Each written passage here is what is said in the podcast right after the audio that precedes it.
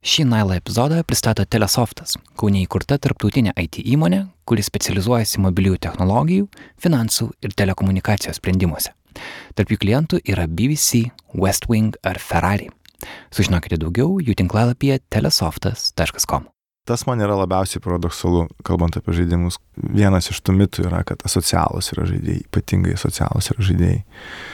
Bet iš tikrųjų yra priešingai daug žaidėjų tą sako, kad kai sutinki kitą žaidėją, pamatai marškinėlius ar tatuiruoti ar kažką tai, ką jisai turi, yra kaip slaptas simbolis kažkokios bendruomenės, bet nu žaidimam populiarėjant to nebeliks, turbūt to ilgėsimės.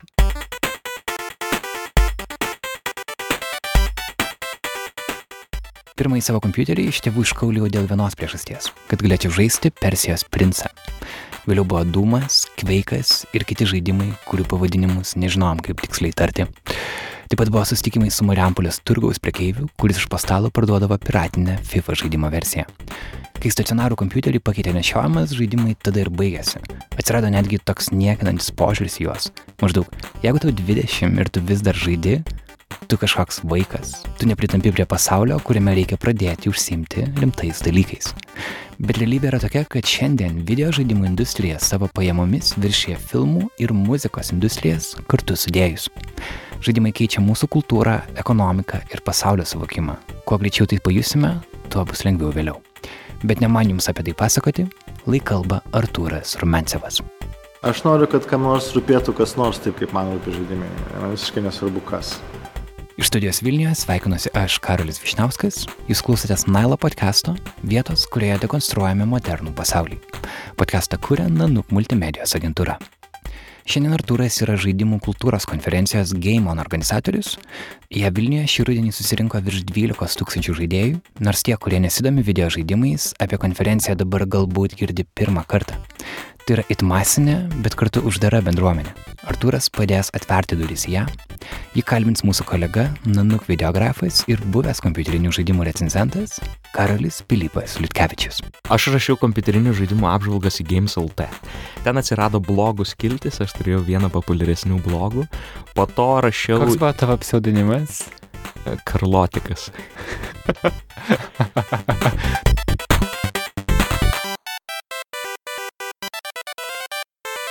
Aš kaip žaidėjas labai daug skaičiau tavo recenzijų. Skaičiau tavo recenzijas pats gameryje, skaičiau tavo recenzijas žurnale Va PlayStation ir tu turbūt esi tas žmogus, kuris man padėjo pasižiūrėti į žaidimus kitaip. Nes aš augau kultūroje, kur apie žaidimų kultūrą buvo kalbama labai mažai, o to kito būdo pasižiūrėti į žaidimus niekur neradau, bet radau pas tave, nes tu rašiai apie žaidimus ne per pikselius, bet per įspūdžius. Apie tai dar pasikalbėsime vėliau, bet dabar noriu paklausti, kodėl tavo pravardė, nikneimas, buvo artojas. Ką tu ari? Pravardė mano yra artojas, todėl kad aš ją tokią gavau. Um, man nelabai lipo vaikystėje pravardės, tai nepažįstami žmonės alitui prilipdė ginčio metu.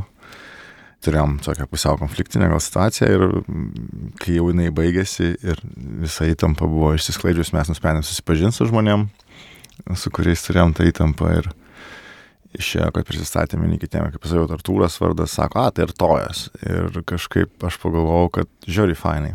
Aš augau irgi tais laikais, kai visi turėjo kličkas ir aš irgi norėjau turėti. Tai aš ją ir pasirinkau. Tai iš pradžių aš per daug negalvojau, man tiesiog patiko skambesys, žodis, kad su vardu, nu, Artūras Artojas, kaip ir tos pirmos raidės vienodas.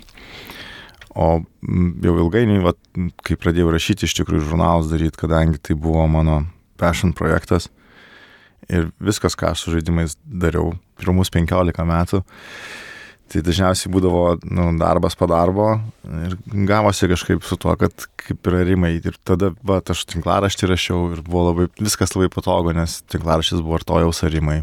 Tai tada dariau blogo įrašus turbūt.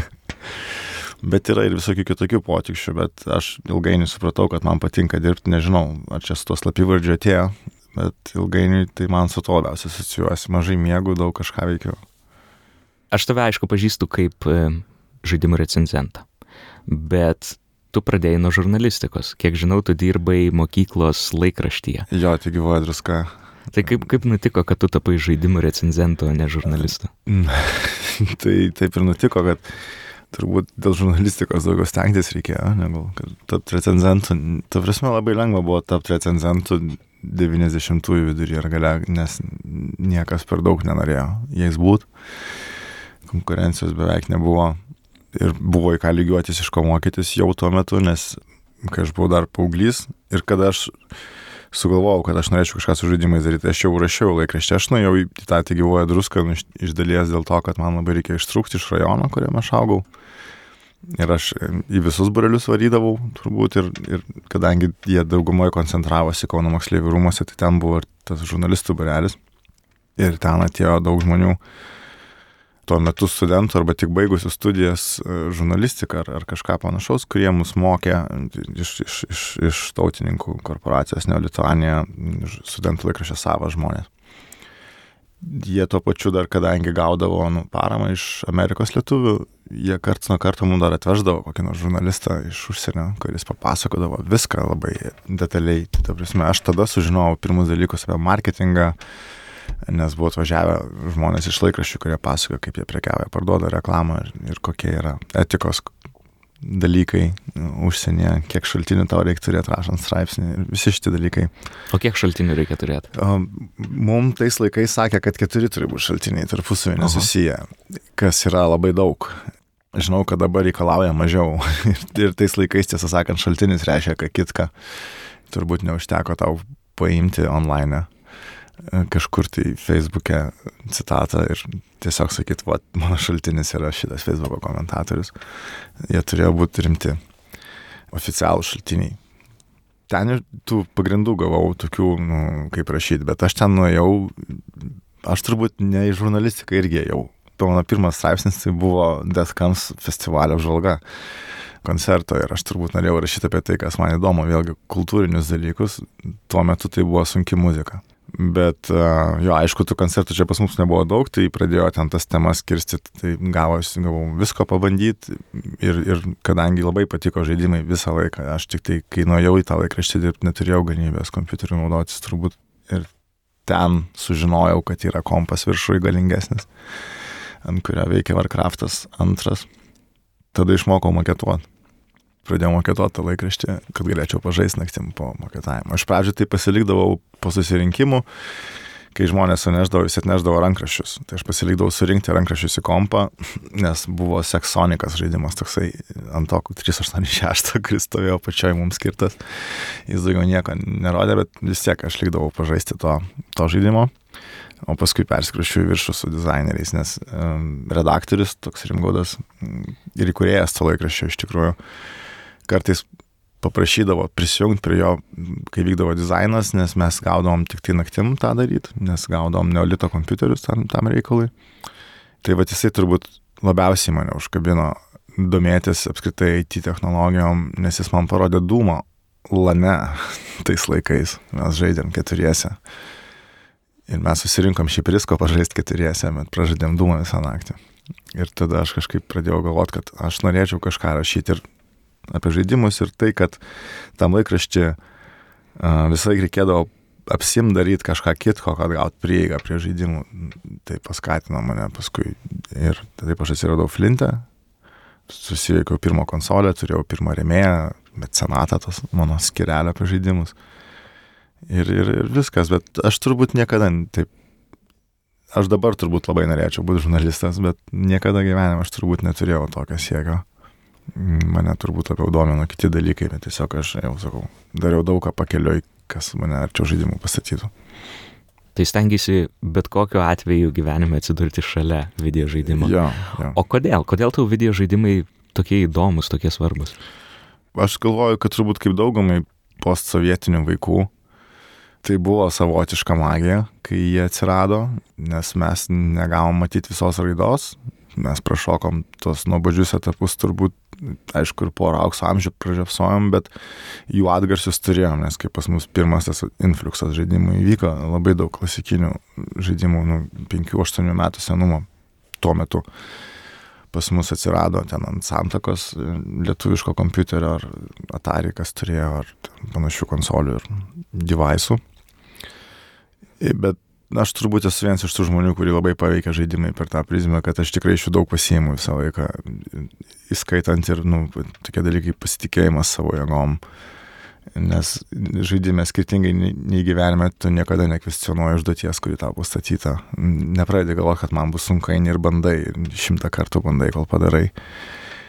Aš turbūt pradėjau jausti, kad ypač ilgainiui, kai man pradėjo sektis ir aš ten vienur įsitryniau rašyti apie žaidimus, paskui žurnalą savo daryti, dar kažką. Nu, visą laiką mane lydėjo sėkmė. Ta prasme, jinai galbūt nėra taip jau visai uždyka, reikėjo dirbti dėl to, bet bet kuriuo atveju man sekėsi. Viskas, ką aš dariau, turėjo kažkokią prasme per mano perspektyvą žiūrint ir aš labai daug tos sėkmės atiduodu žaidimam, per tą prizmę, kad jie buvo tas variklis, kuris visą laiką motivavo. Iš pradžių dėl technologijų, paskui dėl lėšų stygiaus motivavo daryti kažką, ko aš nenoriu daryti visai. Tam, kad galėčiau daryti, ką noriu.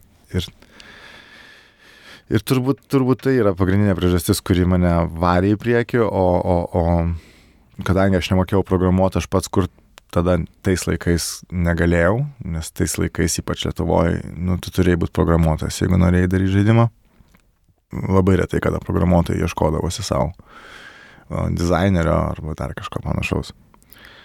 Va, o, kaip, tai... o kaip tave video žaidimai pakeitė, nes jie aišku tave lydėjo visą tavo mm. gyvenimą. Ar daug, buvo daug... kažkoks grįžtamasis ryšys, gal gali papasakot, kaip jie formavo tai, tai tai, ką ką tik minėjau, iš tikrųjų yra ir tai, ką aš dažnai pasakoju, važinėdamas po mokyklos moksleiviams. Mes nebereiklo turim patarlę, kad kartojimas yra visų mokslo motina. Ir žaidimuose, ką tu kartoji, kaip kiekvienas žaidimo lygis, netgi Angry Birds ar kokia nors Candy Crush saga yra savotiškas galvosakis, kai tu gauni, pamatai, kaip yra išdėstyti saldainiai arba figūrės, kurias reikia vartyti. Tu sugalvoji teoriją, kurią tu testuoji, ištestavęs kažką tai pasižymė, galvoji, kad čia gal klydau, arba čia reikėjo daryti kitaip ir iš naujo testuoji, kas yra iš principo labai banaliai apibūdinama kaip mokslinio metodo taikymas problemų sprendime. Tai šitas dalykas žaidimų tikrai persidoda visiems. Aš ir ant savo vaikų tą patį matau, kai mes pradėjom žaisti žaidimus, jie tapo labiau išsispyrę ir, ir, ir drąsiau siekia tikslo, nes ten nėra taip baisu šimtą kartų, kad ir patirti nesėkmę bet finale tu visą laiką patiri sėkmę ir tai tave motivuoja į priekį. Aišku, daug galėčiau papasakoti istorijų, su geopolitika daug susijusių dalykų, kuriuos suvokiau žaisdamas, tarkim, civilizaciją. Ir labai dažnai, jeigu taip sutrumpintai, visai labai dažnai mėgstu sakyti, kad labai sunku suprasti kai kurių pasaulio lyderių elgesį. Bet kai tu žaidži civilizaciją ir tu turi didžiulę valstybę ir pašonė yra maža valstybė su vienu ar dviem miestais ir jinai yra kliuvinys tavo geopolitiniams planams. Nebūtinai teritorinis, galbūt tu negali prekių per ten persivežti, galbūt tavo kariuomenės judėjimui trūkdo ir tu neužtikrintas dėl savo saugumo. Tu per daug nesuki galvos, tu tiesiog aneksuoji tą vietą. Iš pradžių bandai kultūringai susitart, bet labai neilgai tu iš tikrųjų tą darai, nes nu, tu rūpinėsi savo interesais.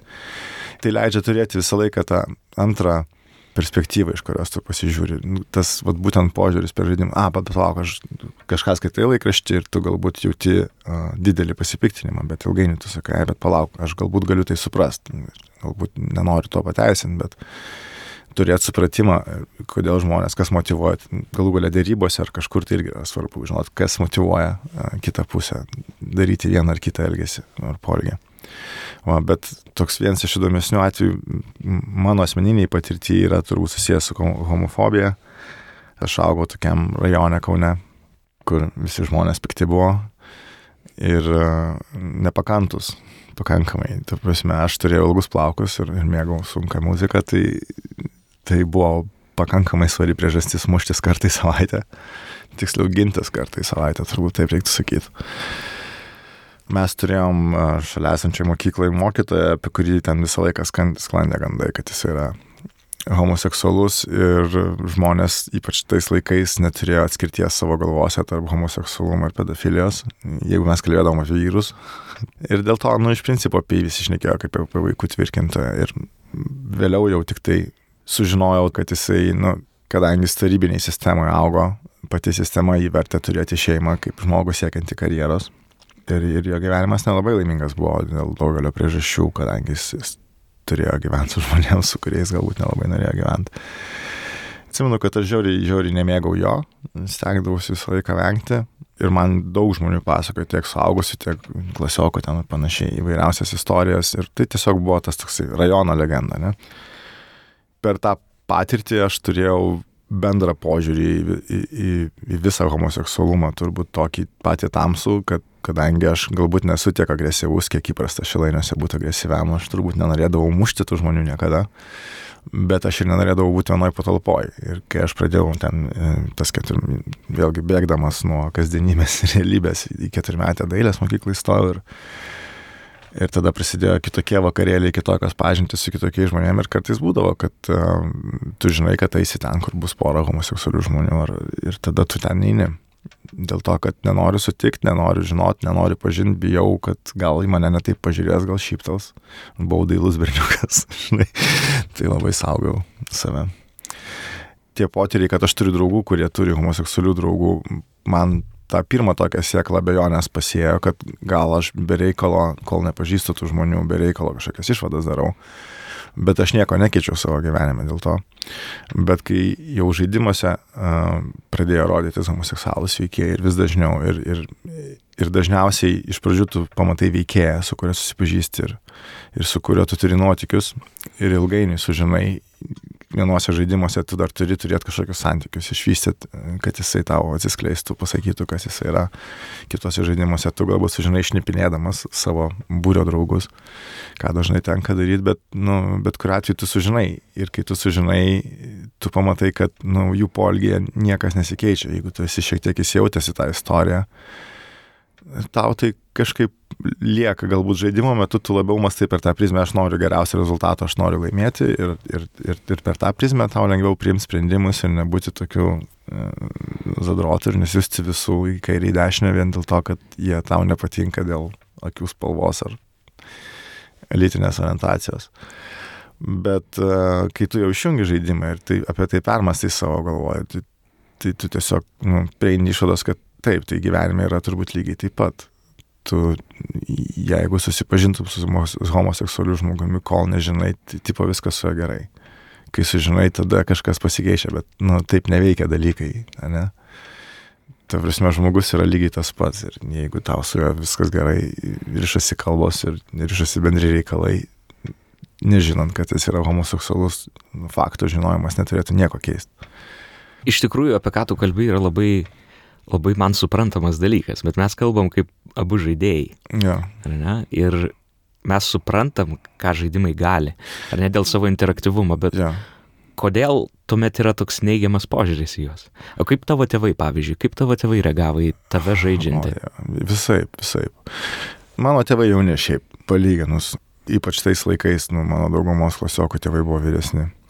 Kol žaidimai neatsikraustė namo ir kol aš nepradėjau bėgti iš namų dėl žaidimų, tai jie buvo pakankamai sužavėti, nes tai ryšosi su technologijom ir mano tėvai turėjo tą supratimą, kad ja, greičiausiai technologijos bus ateitis ir greičiausiai tai yra gerai, kad šeimoje yra kažkas, kas moka surinkti ir išrinkti kompiuterį. Bet e, laikui bėgant, aišku, jų požiūris į technologijas nesikeitė. Tuvasme, namuose nebūdavo problemos atsinešant naują kompiuterį, įsivedant pirmą internetą, visi priešingai gal net, net bėgdavo džiaugtis ir žiūrėti, kas čia dabar bus, bet e, palaikė. Bet su žaidimais, aišku, ilgainiui prasidėjo tas toks neigiamas požiūris, kad ypač kol dar neturėjau namuose. Ir kai aš iš tikrai, nu tikrai, kartais ir kišenpigius nušildavau ir, ir, ir kartais išeidavau iš namų ilgesniam laikui nieko nesakęs. Tai jisai pradėjo vystytis labai neigiamas požiūris, dėl to, kad mano mamos supratimu ypač turbūt žaidimai buvo kalti dėl to, kad aš nenorėjau būti namuose. Nors mes šiaip turėjom įtemptą mano paauglystę dėl daugelio kitų aspektų. Ir, nu, šiaip sunkus buvo šeimoje metas ir mamai buvo sunku tuo metu labai. Dėl visai kitų priežasčių, ne tik dėl manęs, bet taip susiklostė, kad viskam tam sukrūvus į, į sukritusi krūvą, um, bet kurio karštesnio ginčio metu iki pačių dienų jinai visą laiką prisimins tą argumentą, kad yra beprasmis laiko švaistimas. Tu sakai, žinai, mama, man 37 ir aš 20 metų jau dirbu su žaidimais ir, okei, okay, aš turėjau darbų, kurie niekaip nesusiję su žaidimais, bet aš juos gavau per savo aistrą žaidimam, aš juos radau per savo aistrą žaidimam. Ir žaidimai mane subrandino, kaip tu gali taip sakyti, bet jinai... Um, jinai turbūt išgyvena tai ką, jinai, tai, ką jinai patyrė per pirmą asmenį, per savo potyrius. Jinai matė dinkstantį sūnų, naktim nemiegantį kažkur tai ir visa tai prasidėjo tada, kai jis tą velnio mašiną pamatė pirmą kartą. Ir todėl, sakau, todėl man labai kartais lengva suprasti apskritai neigiamą požiūrį Lietuvos vis, visos kartos, ten 40 plus. Todėl, kad labai daug žmonių Lietuvoje iš pirmo asmens matė jaunus žmonės bėgančius į tas priešnekštas, prirūkytas kompiuterinės, e, kur ten už paskutinius pinigus nepavalgyti, ne, ne, kažkokią, ne kažkokį desertą ar ledų nusipirkti, jau kas buvo baisu, kad tu ne maisto ledam išleidi pinigus. Iš vis kažkokiem žaidimam. Ir dar kažkokiam tamsiam Rusijai, kur ten ir akis gadinasi, ir, ir, ir prirūkytos patalpos, ir kas tik nori. Tai jie turbūt yra teisūs, nes jie kitaip tų žaidimų patirti negalėjo, nenorėjo ir jie neturi to tikrojo paveikslo. Tai nu, per savo perspektyvą, per savo gyvenimišką patirtį jie turbūt yra teisūs savo manime. Tam yra objektyvės priežastis, kodėl jie yra neigiamai nusistatę. Ir kaip aš sakau, turbūt nieko čia nebepakeis ir turbūt nieko čia keist labai jau ir nebereikia. Man labai apmaudu iš tikrųjų, kad vyresnio amžiaus žmonės Lietuvoje taip vangiai žiūri žaidimus, todėl kad nu, jiems tai būtų naudinga daugeliu atžvilgių. Koks nors Tetris uh, ir kiti galvosakių žaidimai tam, tam stiliuje, kurie tikrai verčia pasų galvą, tiesiog dėl to, kad tai stabdo smegenų senėjimą, tai yra mokslinis faktas. Mes dažnai šnekam apie pensininkus lietuvius ir vokiečius lyginam, ne, kad ten vieni keliauja su mašinom, su kabrioletais reino pakrantėmis aplink Vokietiją išėję į pensiją, o kiti kampė sėdi ir laukia, kol numirs. Tai aš sakau, kad nu, tai taip atsitinka žmogus į kampą atsisėda, kai jo smegenys numiršta, kai jisai nie, nieks nebedomina, jo nieks nežavė, jo nieks neužveda. Ir galbūt žaidimai galėtų atitolinti tą laikotarpį metais, penkiais, dešimčia, kai tu norėsi būti aktyvus dalyvis gyvenimo, kad ir virtualaus koks skirtumas. Tai vat, man dėl tų dalykų labai apmaudu yra, kad vyresni žmonės nežaidžia, bet uh, kai mes pradėjom daryti gaimoną ir apskritai ilgą laiką, kai aš pradėjau jau viešai kalbėti, nes anksčiau aš kaip nenorėdavau, nes man atrodo, kad niekam iš vis neįdomu. Bet mane turbūt varė tai, kad ne tiek, kad e, tos vyresnius žmonės pakabint ant žaidimų, kad jie žinotų, kad tokie yra ir žaistų, bet labiau galbūt per tą prizmę, kad jie bent jau netrukdytų kitiems.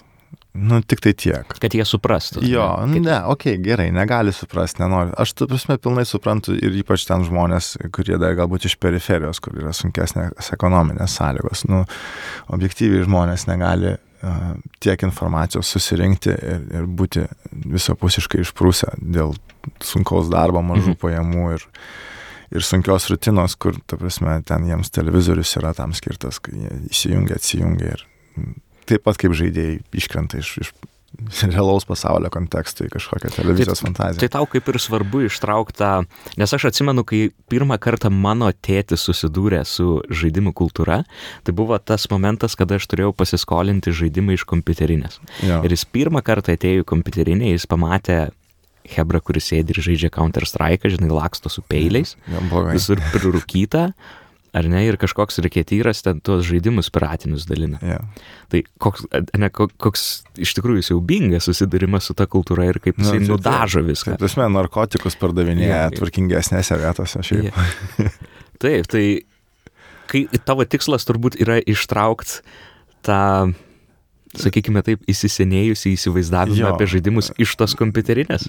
Jo, nu ne, turbūt jisai, nu, žodžiu, aš vienam iš renginių žaidimų kuriejų sutikau istorikę merginą, tokią agotą, kuri nelabai daug tuo metu domėjosi žaidimais, bet jai kaip istorikiai jinai vis ieškojo kažko tai Lietuvoje, nu, kur būtų kažkokia bendruomenė, kurios naratyvą būtų galima ištraukti ir dekonstruoti ir pažiūrėti, kaip čia viskas vyko.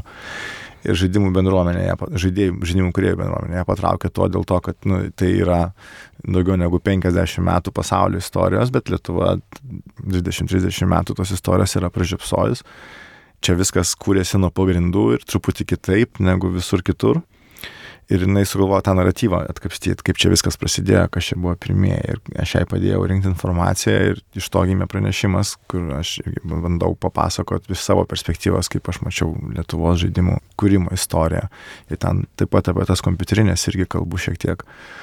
Tai aš nemanau, kad jas reikia išgriauti, nes turbūt tą mitą tarp kompiuterinių pačių, nes nelabai kas jau bebe prisimena. Kai tu rodai, nebėra, jų nebereikia griauti, jos sugriauti. Jo. Bet uh, įsitikinimai, tarkim, žaidimai kenkia regai, iki šiol tai yra tvirti įsitikinimai, tai jie yra grinai iš tų kompiuterinių, nes jos buvo tamsios, ten stovėjo labai blogi televizoriai, tu plika akim matydavai kadrų kaitą ir, tai prasme, ten tikrai tu galėjai įsivaryti ir migreną, ir, ir epilepsijos priepolį, ir ką tik nori, tom sąlygom. Bet realiai žala regai baigėsi su kineskopiniu ekranų karta, ne? atsiradus skistųjų kristalų monitoriams, jinai yra niekinė ir tiesą sakant, žaidimai tiek, kiek daktaras sako, ne, 45 minutės spoksojimo ekraną, 15 minučių spoksojimo per langą ir viskas tau bus gerai. Jeigu tu to laikaisi, tai tavo rega žaidžiant tik tai gerėja, dėl to, kad rega yra du dalykai. Akis yra objektyvas, kuris tiesiog paima iš išorės smegenys dekoduoja. Žaidžiant žaidimus, tas tavo dekoderis smegenų tampa geresnis. Žaidėjai vidutiniškai seka daug daugiau objektų erdvėje, žaisdami apie septynės visą laiką.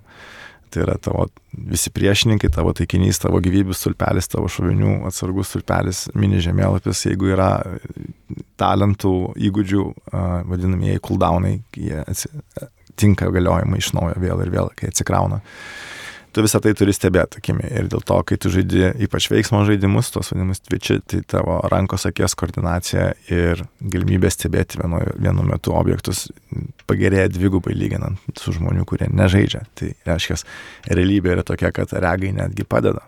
Bet tu iš daugelio vyresniam žmonių išgirsi, kad regai kenkia.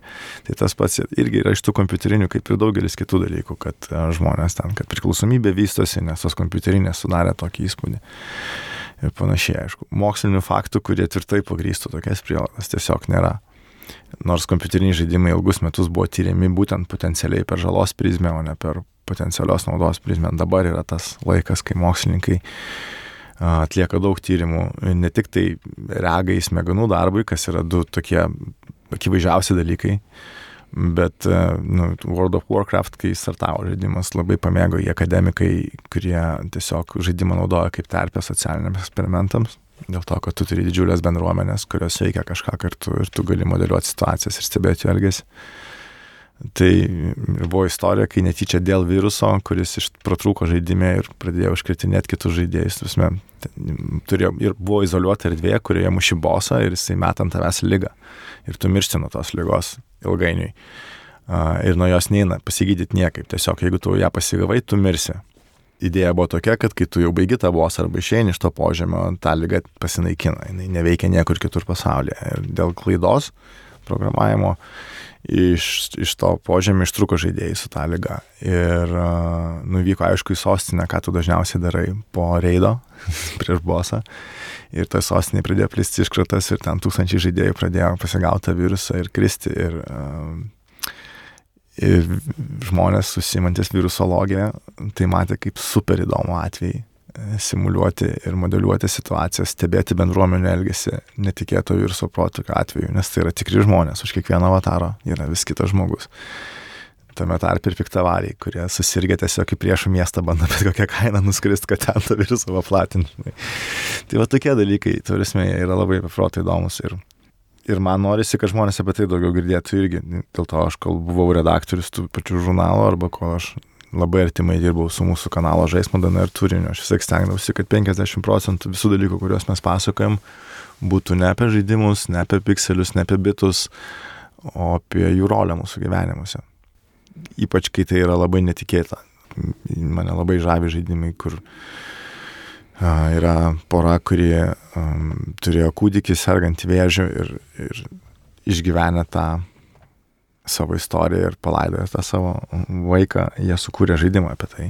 The turi, Dragon Cancer. Taip, kur tu turi kūdikį sergantį vėžių. Dieve, kiek ten empatijos visame tame yra ir kiek tu išmoksti dalykų, tiesiog išgyvendamas, kad ir svetimą istoriją, bet kai tu turi savo vaikų, nu labai lengva yra įsijausti į tą situaciją, kai tu matai ten tą lavelę, tos žaisliukus ir per tą prizmę tu kažkaip pradedi jausti kitus žmonės tas man yra labiausiai paradoksalu, kalbant apie žaidimus, kad mes, vienas iš tų mitų yra, kad asocialus yra žaidėjai, ypatingai asocialus yra žaidėjai, bet iš tikrųjų yra priešingai.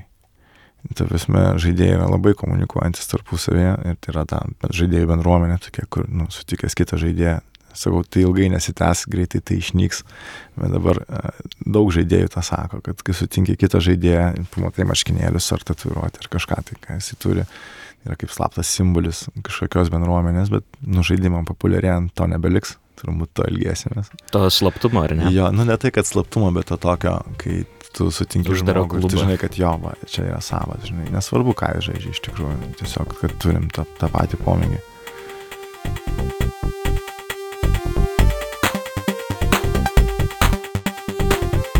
Primenu, kad šį Nailą epizodą pristato Telesoftas, kauniai įkurta tarptautinė IT įmonė, kuri specializuojasi mobiliųjų technologijų, finansų ir telekomunikacijos sprendimuose.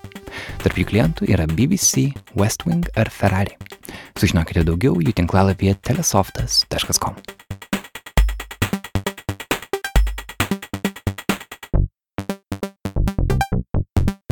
Karolis Pilypas Liutkevičius toliau kalbina Artūrą Rumensevą.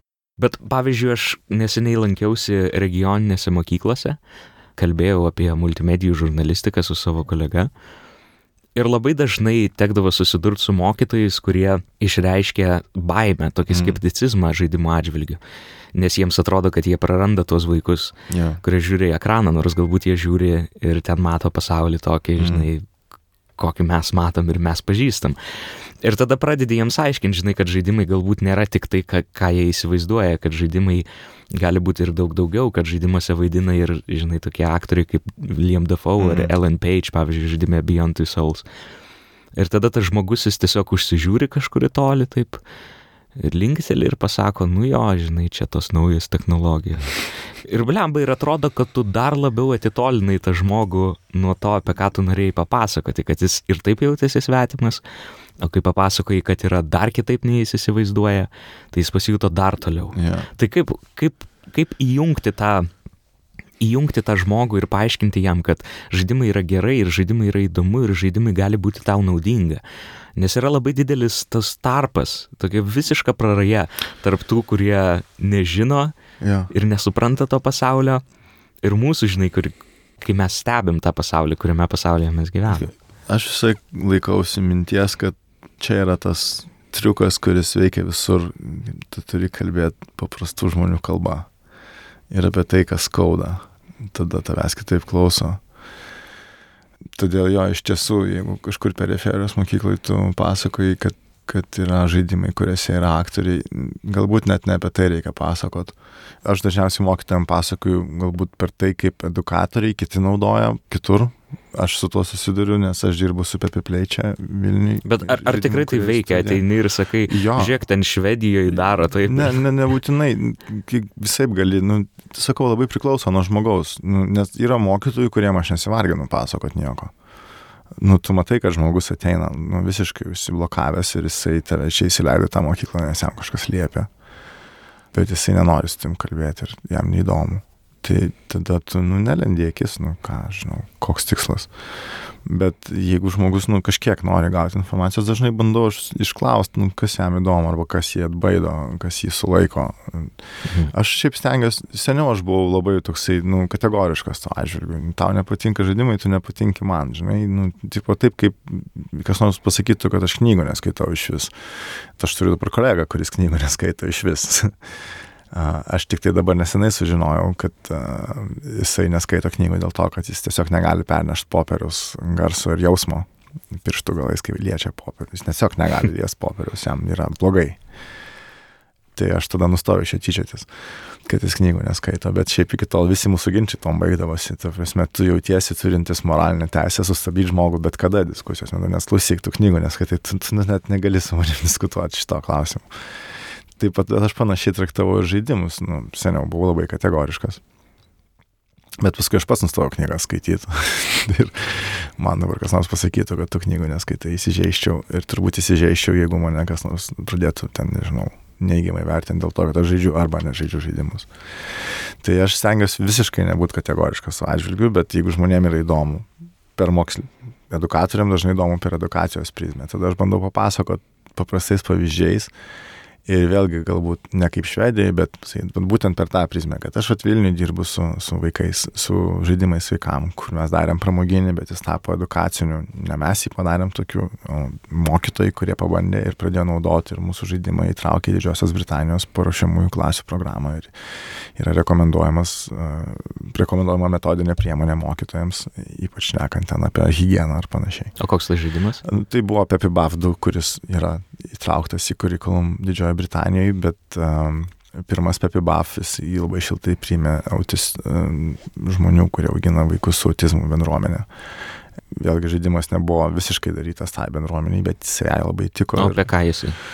Pirmieji Pepi Buff, Pepi Doctor buvo tokių rutinų scenų žaidimai. Tu turi kaip veikėją, kaip lėlę, tu turi kažkiek rubelių, kuriais tą veikėją gali perrengti ir turi rutinus šešias, keturias rutinas, kaip dantų valymas, vonios rutinos, mhm. reiškia, dantų valymas, ten rankų plovimas, nagų karpimas. Ir aš to žaidimus atradau vėlgi per, per tai, kad um, aš perskaičiau apie juos laikraštyje, aš vis tiek labai supykstu, kai aš perskaitau laikraštį apie lietuvišką žaidimą, kurio aš nežinojau, nes aš rašau apie žaidimus daug metų ir man atrodo, kad jeigu tu kuri žaidimą, nu, vis tiek kažkaip galėtų man atsiųsti pasižiūrėti, žinai.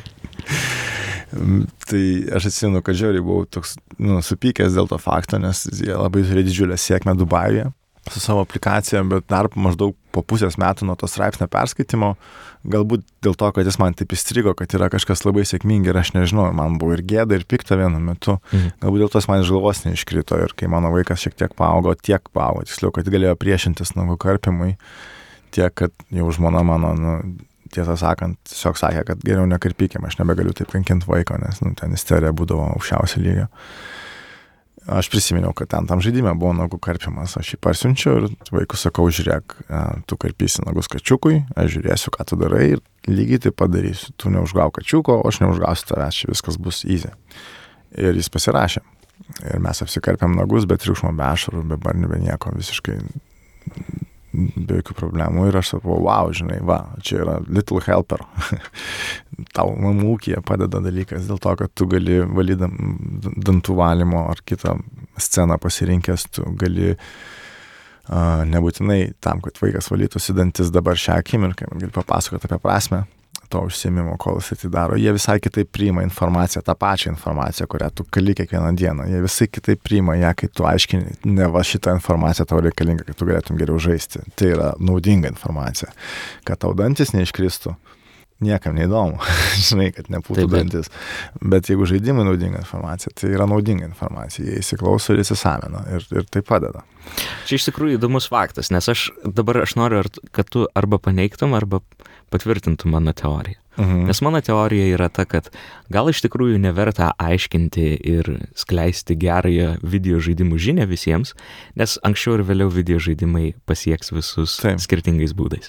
Ar ne, gamifikacija, žaidimai tokie, kurie padeda netgi tokiose situacijose, apie kurias tu kalbi, ar net žaidimai ar žaidimų teorijos ar idėjos patvirtintos, kurios ateina į kitas naujasias technologijas. Mm. Pavyzdžiui, žmonės daug galvoja, kaip padėti žmogui orientuotis 360 laipsnių filmuotame video. Mhm. Bet žaidimai turi dekadas patirties orientuojant mhm. žaidėją trimač, trimačioje aplinkoje, ne? Trijose dimensijose.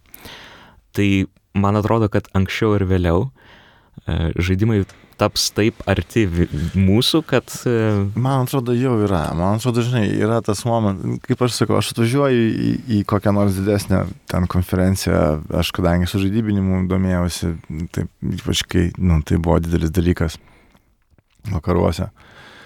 Dar ten kai kuriam temam, kur mane kartais pakviečia paskaityti pranešimui labai netikėtas vietas. Mhm. Ir tada važiuoju kokią nors ten Svetbanką, ten jų vadovams skyrių pasakoti apie sužaidybinimo gerasias patirtis pasaulyje. Ir arba kaip apskritai žaidimai kasdienybėje gali būti panaudoti ten žmogiškosios ir ištekliuose, ar, ar kaip motivaciniai dalykai įmonės viduje. Ir pirmas dalykas, ko paklausė, tai kiek čia iš jūsų yra žaidėjų, ten kokias tris rankos pakyla. Tada sakai, o kas žaidžiat Candy Crush Saga arba Angry Birds arba nežinau, kas tuo metu ten būna ant bangos. Tada pakyla du trečdaliai saulės rankų. Tu sakai, okei, okay, tai čia mes žaidėjų turim daug. E, tiesiog didžioji jų dalis savęs taip neidentifikuoja. žaisti žaidimus, jie žaidžia ir jie netgi žino kažką tai apie žaidimus dėl to, kad turi savo mėgstamus. Tiesiog jie savęs neidentifikuoja kaip žaidėjų, tu vis metu užsiemimą netraktuoja kaip pakankamai svarbos, galbūt yra tiesiog kelias minutės nužudyti. Bet tai nekeičia to, kaip mes matome tos žmonės. Nu, turiu galvo žaidimų industriją. Tai yra žaidėjai, kuriems yra rašomos apžvalgos, kuriami nauji žaidimai, kuriami nauji monetizacijos modeliai ir taip toliau ir panašiai. Jie tiesiog keičia paveikslą, bet aš labai daug apie tai kalbėjau, kai buvo tas sprogimas ir visi sakė, mobilas, mobilas, žaidimai mobiliam čia yra super. Kas yra iš tikrųjų super, kai tau sekasi, bet labai sunku ten tą sėkmę pasiekti. Bet uh, visą laiką žmonės sakydavo, kad va, e, iPhone'as nužudys ten konsolės, asmeninius kompiuterius, nes e, čia daug patogiau, paprasčiau. Tie būdavo piragas toksai nupieštas, ne, čia konsolės, čia PC ir tada pusė to pirago yra iPhone'as, koks, na, smartphone'ai, visi vienoje krūvoje. Ir tada sakai, bet jeigu tą piragą iš, išardyt, žinai, mhm. visus gabalus pirago, tai tu pamatysi, kad visi sektoriai augo. Tai taip e, investuotojai atsitraukia šiek tiek nuo klasikinių, sakykime, klasikinės žaidimų formų, vadinamas AAA formos, ne, kur yra žaidimai kainuojantis dešimtis ar šimtus net milijonų dolerių, kad juos. Tai yra sukurt. kažkoks Hollywoodo blockbusterio atitikmuo, ar ne? Jo. Ir, ir kurie yra, nu, dideli naratyviniai. Tai taip, nu, jie vadinami core tokiem core žaidėjim, kurie jau yra giliai širdį žmonės, jau yra žaidėjai, skirti žaidimai. Tai ta rinka, jinai, jeigu ten seniau augdavo po 10, 15 procentų per metus, iš metų į metus, tai atsiradus išmaniųjų telefonų šitam bumui, tai sulėtėjo tas augimas, ten liko procentas ar 2 procentai, ten, ten buvo, man atrodo, tais krizės metais gal buvo netgi. Mhm minus vienas procentas, bet ten nebuvo nu, jokių tokių kreivių, labai ten, atsiprašau, čia daužau mikrofoną, reikšmingų. Tu prasme, visą laiką buvo augimas, tiesiog per investuotojus prizmę, augimas yra toks mažas, tai jie tai mato kaip jau labai blogą investiciją ir visi išė į, į mobilą, bet žaidėjų tas ratas augo ir, ir aš sakiau, labai sunku yra ir apie žaidimus kalbėti ir, ir apie žaidimų kultūrą kalbėti dabar kaip ir prieš paskutinius penkis metus žaidėjų auditorija paaugo šimtais milijonų žmonių grinai mobilių iš, išmanių įrenginių dėka. Ir jų žinios apie žaidimus yra ypatingai paviršutiniškos. Tiek, kiek leidžia išmaniai įrenginiai suvokti apie žaidimus, o jie leidžia labai nedaug dėl daugybės niuansų, kurie susiję su um, valdymu, vartojimu, technika. Taip, bet tai yra ir monetizacija, ir etika. Taip. Šitie dalykai, kur industrija senai kovoja su tuo ir, ir, ir tai laikoma netaktų ten tarkim papildomų pajamų siekimas uh, iš žmogaus, kuris susimokėjo už produktą. Nu tai iš esmės tai yra, tu nusipirki žaidimą ar ne, žaidi žaidimai, pavyzdžiui, Farmville, bet tu turi laukti ir žiūrėti reklamą, kad arba užaugtų. Mokėti pinigus, arba jo. mokėti pinigus. Visme, jo, tai bet kadangi iš, išmaniųjų telefonų žaidimai savo natūra dažnai yra paprasti, ten yra nemažai tų tokių meninę kažkokią kitokią išliekamąją vertę turinčių žaidimų, bet dauguma jų vis dėlto yra vadinami time killeriai. Jų funkcija yra viena - užmušti minutę laisvą. Bet pati monetizacija ir, ir tas noras uždirbti pinigus, kuris yra, nu, turbūt sveikas noras, bet tuo pačiu metu naudojant psichologinius triukus žmonėm, kurie nėra patyrę dar žaidimų kaip po tokių ir galbūt jiems daug sunkiau yra atsispirti. Tai yra šiek tiek, nu, erzinantis faktorius, kuris irgi šiek tiek prisideda prie to bendro įvaizdžio formavimo tų žaidimų.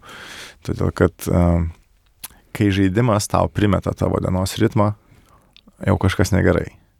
Tai nėra net priklausomybinis dalykas, tai, yra, nu, tai reiškia, kad kažkas valdo tiesioginė to žodžio prasme. Ir man visą laiką juokas sukelia vienas įvykis kadangi aš visą gyvenimą žaidžiu, tai ir giminiai visoj plačioj vadinamoji, ir žmonos, ir, ir iš mhm. mano pusės, visi giminaičiai, dėdės, tėtos ir ten dėdienės žino, kad žaidėjas esu.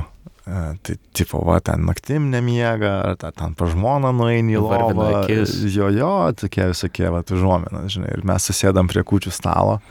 Ir aš tą dieną, kučių dieną, ten pusdienį pražaidžiau visą pirmą dalį dienos, aš niekur nejau su nieko nesnekėjau, aš tiesiog nuėjau rūsį, įsijungiau konsolę ir pražaidžiau. Bet aš atėjau kučių vakarienę, atsisėdau ir, nu, valgau tą plot kelią.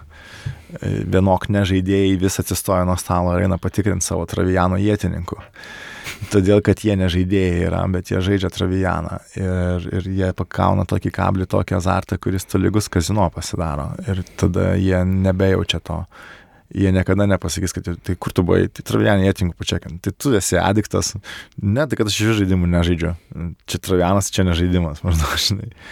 Bet aš visai, aš tada pradėjau suprasti, kad žmogui, kuris nėra, nes, nu, nėra aplinkybių, kuriamis toks žaidimas kaip Travijanas pajudintų mane iš vietos arba pakeistų mano dienotvarkę nors vieną minutę, nu, nes tai neverta to, ten nėra jokio endgame, jokio rezultato, kurį aš galiu gauti. Prasme, aš tada žaisiu Rome Total War, turėsiu tūkstantį labai gražių romėnų mūšių laukia, kurios galėsiu matyti ir turėsiu kelionę per visą Romos istoriją, kurios finale aš suvienysiu visas ten atskilusias frakcijas ir tapsiu imperatorium ir, ir tai baigsis. Aš išjungsiu ir gerai tam prireiks 80 ar 120 valandų mėnesio po 4 valandas kas vakarą, bet tai baigsis. Aš gausiu savo du apdovanojimus visus ir, ir, ir tiek. Ir ta prasme nėra to tokios baimės, kad kol aš valgau kučias, tai mano jėtininkai kažkur neina, ar mano grūdai neauga, ar mano javai nenurinkti. Nu, taip negalima. Aš iš, iš vis įsivaizduoju, kad kol kas yra trys video žaidimų pasauliai. Yra tas core didžiųjų video žaidimų pasaulis, yra elektroninio sporto pasaulis mhm. ir yra mobiliųjų žaidimo pasaulis. Dar yra casual. Prasme, ir aš stengiuosi tik atskirti casual nuo mobiliųjų, aš kartais naudoju terminą core casual. Taip. Ar gali, ar gali kiekvieną iš šitų pasaulių jo. kažkaip trumpai apibūdinti? Tai jo, tai core, pradedant, ką reiškia core pačioje terminologijoje žaidimų industrijos, tai core gamers tai yra ta senoji žaidėjų karta. Uh, kuri augo ir progresavo su žaidimais. Tai yra žmonės, kurie kaip žaidimus pasirenka kaip hobį ir kaip pirminę laisvalaikio formą. Dažnu atveju kor žaidėjai gerai išmano žaidimų industriją. Jeigu neišmano žaidimų industrijos, tai tada išmanys kokį nors žanrą labai gerai. Tarkim, japoniško RPG visas subtilybės žinos, iki smulkmenų žinos kuriejus, vadinamosius žaidimų režisierius, producerius ir panašiai. Tai yra žmonės, kurie dom kino filai, kinomanai, audiofilai, taip yra žaidėjai, core gamers yra žmonės, nebūtinai visi, bet linkę į, į domėjimąsi žaidimais daug platesnė prasme negu tik tai, kad pažaist uh, FIFA vakare. Mhm. Tuos, kurie nori pažaisti FIFA vakare arba Call of Duty uh, arba kažką neįpareigojančią Need for Speed, bet žmonės, kurie renkasi aukštos kokybės audiovizualiai pribloškiančius žaidimus, bet žaidžia retai, aš juos vadinu core casual. Tai yra žmonės, kurie žaidžia tuos rimtuosius žaidimus, bet tik tai savo laisvalaikiu, neišklyzdami niekaip už, už, už laisvalaikio vartojimo rėmų. Tada yra mobile gamingas, tai žmonės, kurie žaidžia išmaniųjų renginių ir ten, nu, kol kas, kol kas taip jau yra dėl daugelio niuansų, ten žanrinė įvairovė yra pakankamai skurdi ir, ir, ir išliekamoji vertėtų žaidimų yra pakankamai menka. Uh, bet savo funkciją, jeigu iš tikrųjų juos naudoti tam, kad banke laukiant, laukiant eiliai e, nepradiltų laikas, arba pat aš važiavau iš Kauno į Vilnių, yra labai nuostabi kelionė tiek autobusu, tiek traukiniu, dėl to, kad tai yra 3-4 partijos Hearthstone telefone. Kam dienos metu tu ne visada randi laiko ir, ir tą kelionę, jinai net nepajauti, kaip pralekia greitai. Tai šitą funkciją atlieka puikiai, bet šiaip kol kas, nu, tai yra industrija tokia, kuri, nu, kaip plataus labai vartojimo, mažos labai išliekamosios vertės kol kas, nepaisant kelių perliukų fenomenaliai gražių žaidimų, bet tai, tai yra mobilas. Ir aišku, ten vartotojai dauguma visi yra naujokai, jie dar, jie, jiem dar ir jie, jie yra ta gimimo stadija, jie, jie pradės bręsti, jie atras, nu, jeigu netras uh, konsolių iš karto, per Nintendo dažniausiai žmonės atranda per judesių valdomus žaidimus, kas jiems yra primtiniau artimiau. E, jeigu tu, tu, tu turi įsitikinimą, kad žaidėjai tik tai sėdi ir varvina akis, tai va čia yra konsolė, kur tu visai turi judėti žaisdamas ir tai tarsi sugriauna tą mitą ir, ir va, dėl to jie šimtą milijonų tų, tų renginių ir pardavė. Nors tarp žaidėjų buvo sakoma, kad nieks jo neturi. Atrodė mum, kad nieks jo nežaidžia. Dėl to, kad jį įsigijo žmonės, kurie neskaito žurnalų, nesilanko internete. Įsigijo šeimos pramogai namuose. Tai va, ir, ir dauguma jo ateina iš mobilo. Tai arba jie nueina į tos browser vadinamus žaidimus, kur va, yra tas tikras casual žanras, tai yra žmonės, kurie žaidžia tokiuose ten naršyklinius žaidimus, kokiam nors kongregatė. Tai yra žmonės, kurie žaidžia sudėtingesnius žaidimus, dažniausiai jau kurie nori iš to žaidimo kažko daugiau negu tik minutę nužudyti. Tai tame tarpe tų pačių casualų yra žmonės, kurie žaidžia šachmatais, pavyzdžiui, internete pastovi. Ir, ir World of Tanks žaidėjai, kurie nu, žaidžia vieną žaidimą tik tai, bet neprofesionaliai, ne, ne elektroninis sportas yra. Ir tada lieka elektroninis sportas, kur uh, yra žaidėjai, kurie žaidžia savo pasirinktos disciplinos žaidimus, siekdami geriausią rezultatą, siekdami, uh, burdami komandas ir siekdami laimėti turnyrus ir, ir, ir žaisti profesionaliai. Lietuvoje tą sunku kol kas pasiekti yra labai dėl daugybės faktorių, bet uh, tai vyksta irgi. Ir žiūrimumas yra labai populiarus stebėjimas tų elektroninio sporto varžybų. Bet todėl taip tie žmonės, kurie užsima elektroniniu sportu, yra iš žaidėjų bendruomenės, bet nėra visiškai tokia pati žaidėjų bendruomenės dalis. Ta prasme, dažnai žaidėjui kuris, nu, tas, tas žaidėjas, ieškotojas, tyrinėtojas, keliautojas, sutikęs žaidėją esportininką, bendraudamas su juo, jaučiasi lyg bendrautų su bet kokiu sportininku. Nėra to tokio jausmo, kad tai yra žaidėjas. Ne, jie labiau yra mm, susitelkę į tą vieną dalyką, kurį jie daro gerai į norą nugalėti. Kas yra ja. būdinga bet, bet kuriame Taip, sporte. Noras nugalėti galbūt yra tai, kas vienyje mus visus, turbūt, mm. žmonės apskritai. Nu, labai mažai yra žmonių, kurios veža pralaimėjimas. bet e-sportas labai didžiulis. E, praeitais metais Dota 2 turnyras turėjo didžiausią prizinį fondą iš vis bet kokiame sporte, didesnį negu F1 ir didesnį negu ja. tenisas ar golfas. Tai ar yra kažkokių Lietuvos komandų, kuriomis mes irgi galėtume didžiuotis, mhm. kurie siekia tų prizų?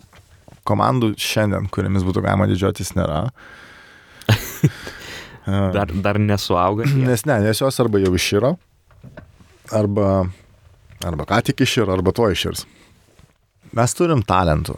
Su tuo aš negaliu ginčytis. Tikrai turim labai talentingų žaidėjų, kurių galbūt net užtektų ir dviejų komandų suformavimui, bet elektroninis sportas, kaip ir bet koks kitas sportas, reikalauja, kad tu pradėtum žaisti jaunas, nėra tiek daug laiko žaisti, yra žaidėjai virš 30 pasaulyje, bet tai yra labiau išimtis negu taisyklė. Nes reikalingas reakcija, geras reakcijos laikas. Tai. Taip pat reikia išlaikyti visą tą režimą ir ritmą. Tai yra sportininko gyvenimas, visom treniruotėm, mankštom rytais ir treniruotėm prie kompiuterio, treniruotėm žiūrint video. Jo, nes iš tikrųjų žmonės daro. įsivaizduoja, kad e, sportininkas, e-sportininkas yra bus storas, žinai, kuris sėdi prie kompo. Tie, tie, kurie žaidžia uh, dėl tų 20 milijonų, apskritai tie, kurie varžosi dėl prizinių fondų, kurie viršė 50 tūkstančių, tarkim, eurų, jie visi yra profesionalai profesionalai, jie turi tokią pačią rutiną kaip krepšininkas. Atsikėliau, iššviečiau dantis, ten prabėgau krosą, galbūt kažkokią mankštą, tada atėjo treneris, atsisėdom, žiūrim video žiūrim savo video, žiūrim oponentų video. Analizuojam strategiją. Taktikas, jo, tada skriminam, tai yra sėdam penkiese online, susirandam oponentus, yra vadybininkas, kuris gal susitarė su kitom organizacijom pajėgiom, kad turėtum aukštesnį lygio priešininkus savo treniruotėm. Po skrimo vėl žiūri video, tada darai mankštą valgai. Nu, tu prasme kaip, jie sportininkai yra, jie žaidžia dėl milijonų ir niekas jiems neleis tenais net su čipsų maišu, tipo, nuo, nuo ryto iki vakaro. O kodėl Lietuvoje sunku su tuo? Lietuvoje todėl ir sunku, kad e, e, visų pirma vis tiek mes žinom, kaip sunku yra Lietuvoje užsimti bet kokiu sportu, galbūt išskyrus ten krepšinį, futbolo, galbūt dabar plaukimas galbūt labiau pasiekiamas pasidarė, kas yra naujiena vėlgi susijęs su rūtos pergalėm, tiesiogiai aš manau. Va, bet uh, šiaip parodo kartais, kaip olimpiečiai ir klotai treniruojasi, kokiam sąlygom. Bet kas skiria ir klotoje, kuris, uh, kuriam yra 15 metų ir jis pasirinko ir klaimą, kuriam niekas niekada nemokės jokių pinigų už tai ir, ir kuris turės labai blogas sąlygas, neštangą kilnos kažkokių bulvių maišą ar padangą iš namų atsitempęs. Yra sportininkas šalia, paimsim, kuris žaidžia namuose ant kompiuterio tai tas irkluotojas jis vis dėlto tiek dega to noru e, laimėti ir dalyvauti ir atstovauti savo šalį, kad jisai niekieno neraginamas, jisai turi rutiną ir požiūrį labai profesionalų tai, ką jisai daro.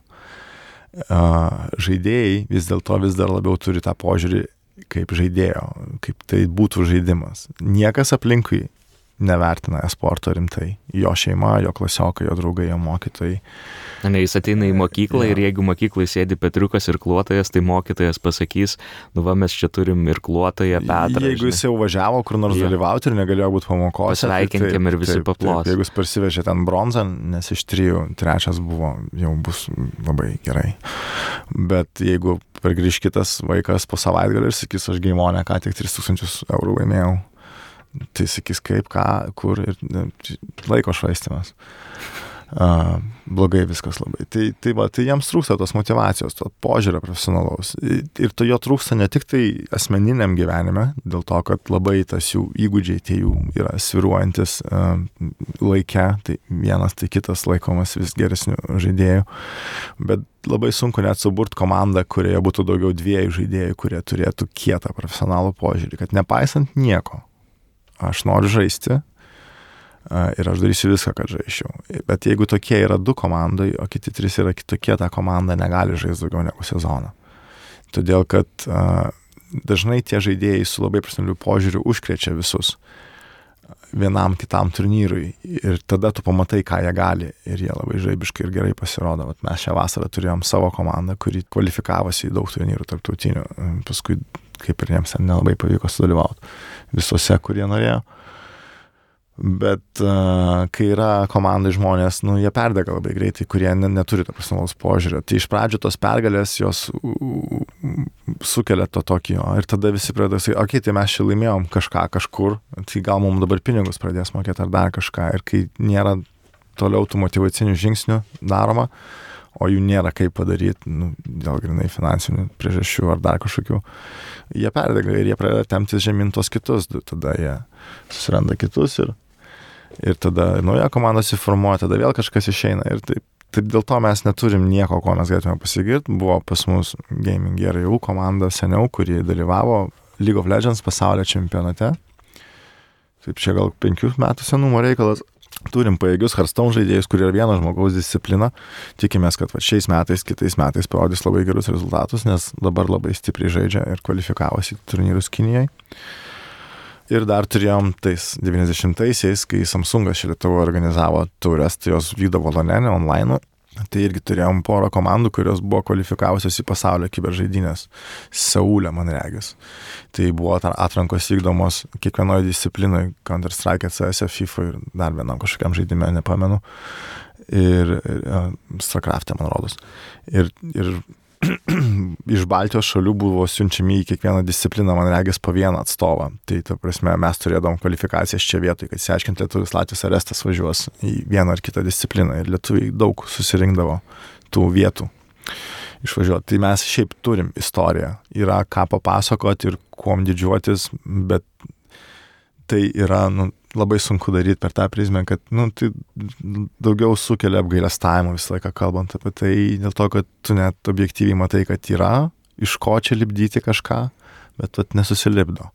Niekaip. Dėl to, kad nu, visas aplinkinis dėmesys. Tai yra, prasme, tai yra visiškai neįdomi tema uh, niekam išskyrus verslą. Ar Jo. bus kada nors įdomi ar ne? Tai Verslui įdomi jau dabar yra dėl žiūrovų gausos. Ar bus kada nors įdomi uh, Auditorijai. auditorijai, tai taip, tada, kai kas nors ką nors laimės. Bet čia mes patenkame į tą užburtą ratą, žinai. Tiem žmonėm, kurie sportuoja, kad jie laimėtų reikalingas, jeigu ne parama, tai supratimas aplinkinių, ką jie daro ir kodėl tai svarbu. Ir kiek šimtų milijonų žmonių gali liūdyti lietuvio pergalę online ir paskui sekti jį Twitch'e ar YouTube ir, ir, ir būti jo gerbėjų, sportininku iš Lietuvos. Todėl jisai turi pirmą laimėti. Tik paskui mes apie tai kalbėsim. Čia yra tas pats, kas buvo su Meilutytė. Mes žinom, kiek rūpėjo plaukimas Lietuvoje žmonėm iki Meilutytės. Ir kiek jisai parūpo po jos. Tai tas pats ir, ir čia mes turim išugdyti savo Meilutytę. Kol kas tik tai šitas kelias. Nu, kitas variantas yra dar uh, kad į Lietuvą ateinant vis daugiau dėmesio iš, iš rytų Europos, ypač Lenkai čia dairosi, toliau tikėtina, kad jau dabar mūsų lietuviai žaidžia rusiškose ekipose, su, su švedais žaidžia. Tikimybė, kad tie mūsų pavieniai talentai vis dėlto ras savo vietą ekipoje, kuri laimės ir tada per to vieno žmogaus legendą. Galbūt užtektų to, kad vienas žmogus su kita ekipa laimėtų vidutinės reikšmės, vidutinio dydžio turnyrą kvalifikuotus į pasaulio taurę, tai to galbūt visuomeniai neužtektų, bet užtektų jauniems žmonėms, kurias reikia uždegti, kad viskas yra įmanoma. Ar gali rekomenduoti kažkokį vieną įrankį, vieną žaidimą, kuris padėtų žmogui, nežinančiam nieko apie video žaidimus, pamatyti, kad tai yra daugiau nei jis įsivaizdavo? Labai ne, turbūt. Aš šiaip dažnai tą darau, bet kai aš tą darau, aš apie žmogų kažką žinau. Ir tas žinojimas man padeda tada ganėtinai taikliai parinkti žaidimą, parekomenduoti. Tai čia tas pats, kas su filmais? Tu gali pasisadinti žmogų, bet turi žinoti, kas jam patinka, ne, ir, ir ką žiūri. Galbūt su kinu yra lengviau. Lengviau, galbūt šiek tiek. Yra tokių filmų, kurie yra tiesiog universali, jo, kaip koks nors ten, aš nežinau, kur nuneša sapnai visiems labai suprantamas, ne pernelyg fantastiškas, beproto gražus. Nu, ta prasme, tiesiog. Ir jisai yra, nu, kaip muzika, ne?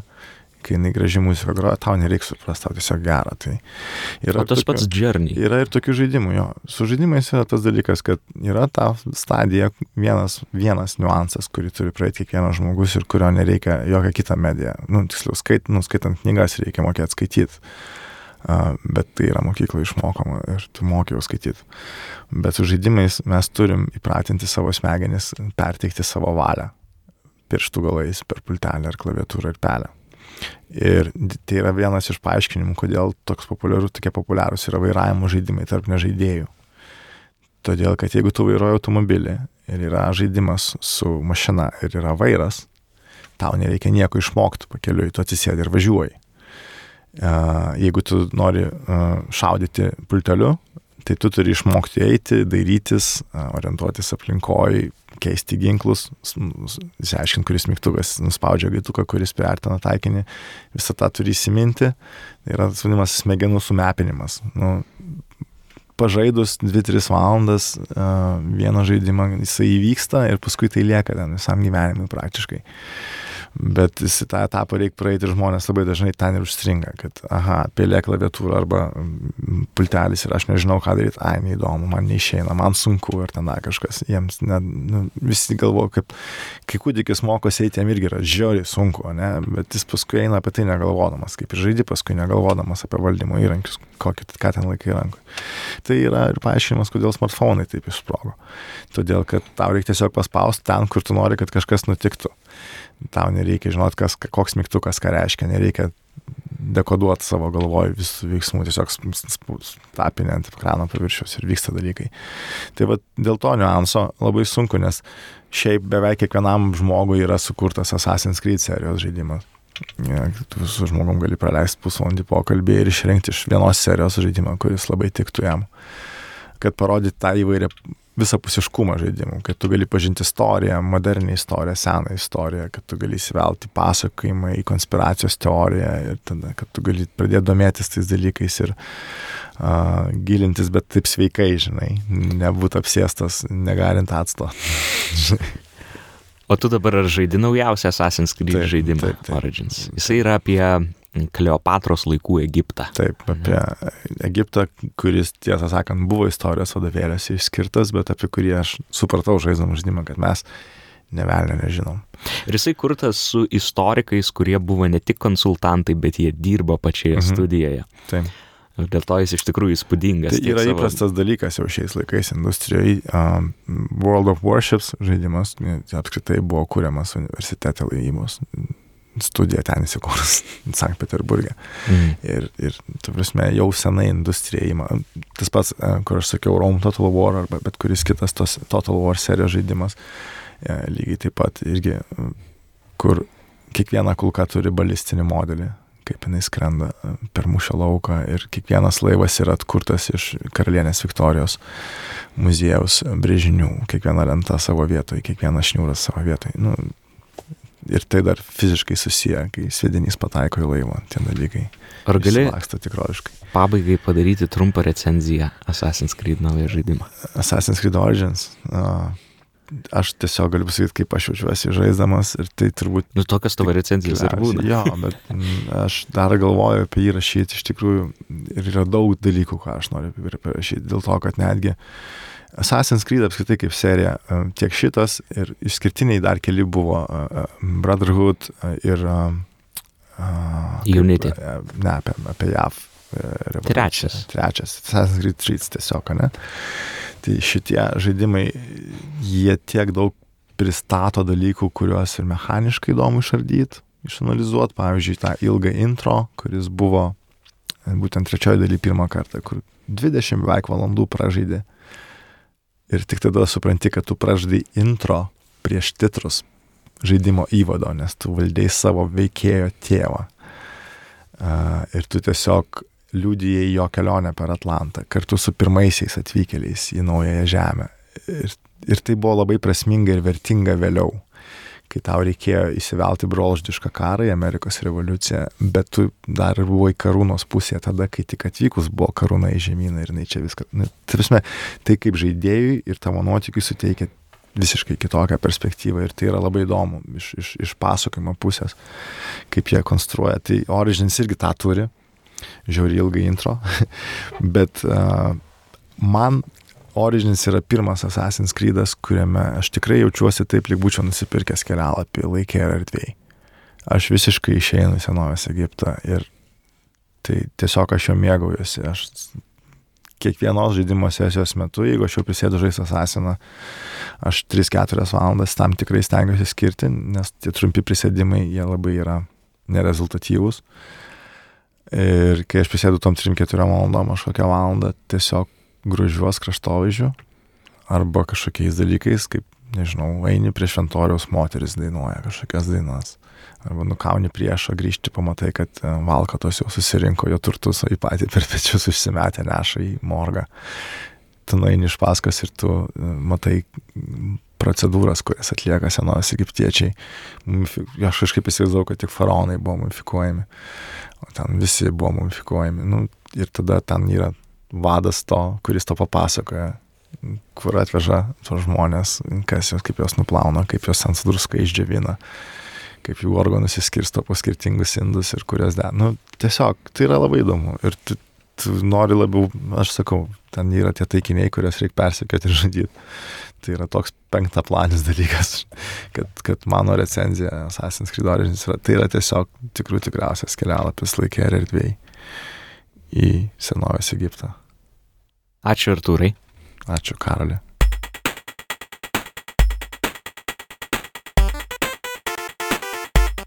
Ačiū Jums, kad klausėtės. Arturo Romancevo ir jo komandos organizuojama žaidimų konferencija sekite adresu gameon.lt. Ankstesnius Nailo epizodus raskite adresu nailo.lt arba savo telefono podcastų programėlėje, tiesiog įveskite Nailą. Į Nailą LT kviečiame užeiti dar ir dėl to, kad ten rasite nuotraukas iš susitikimo su Artūru ir taip pat trumpą video.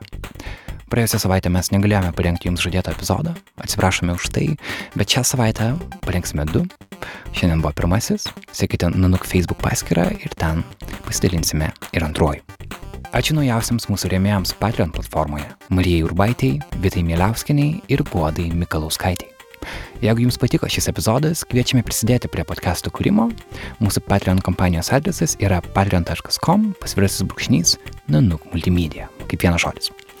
Mums įdomi ir jūsų nuomonė apie podcastą, kas patiko, ką reikėtų keisti, kokiu naujų temų norėtumėte, parašykite viską į naila.nanuk.lt. Labai labai lauksime.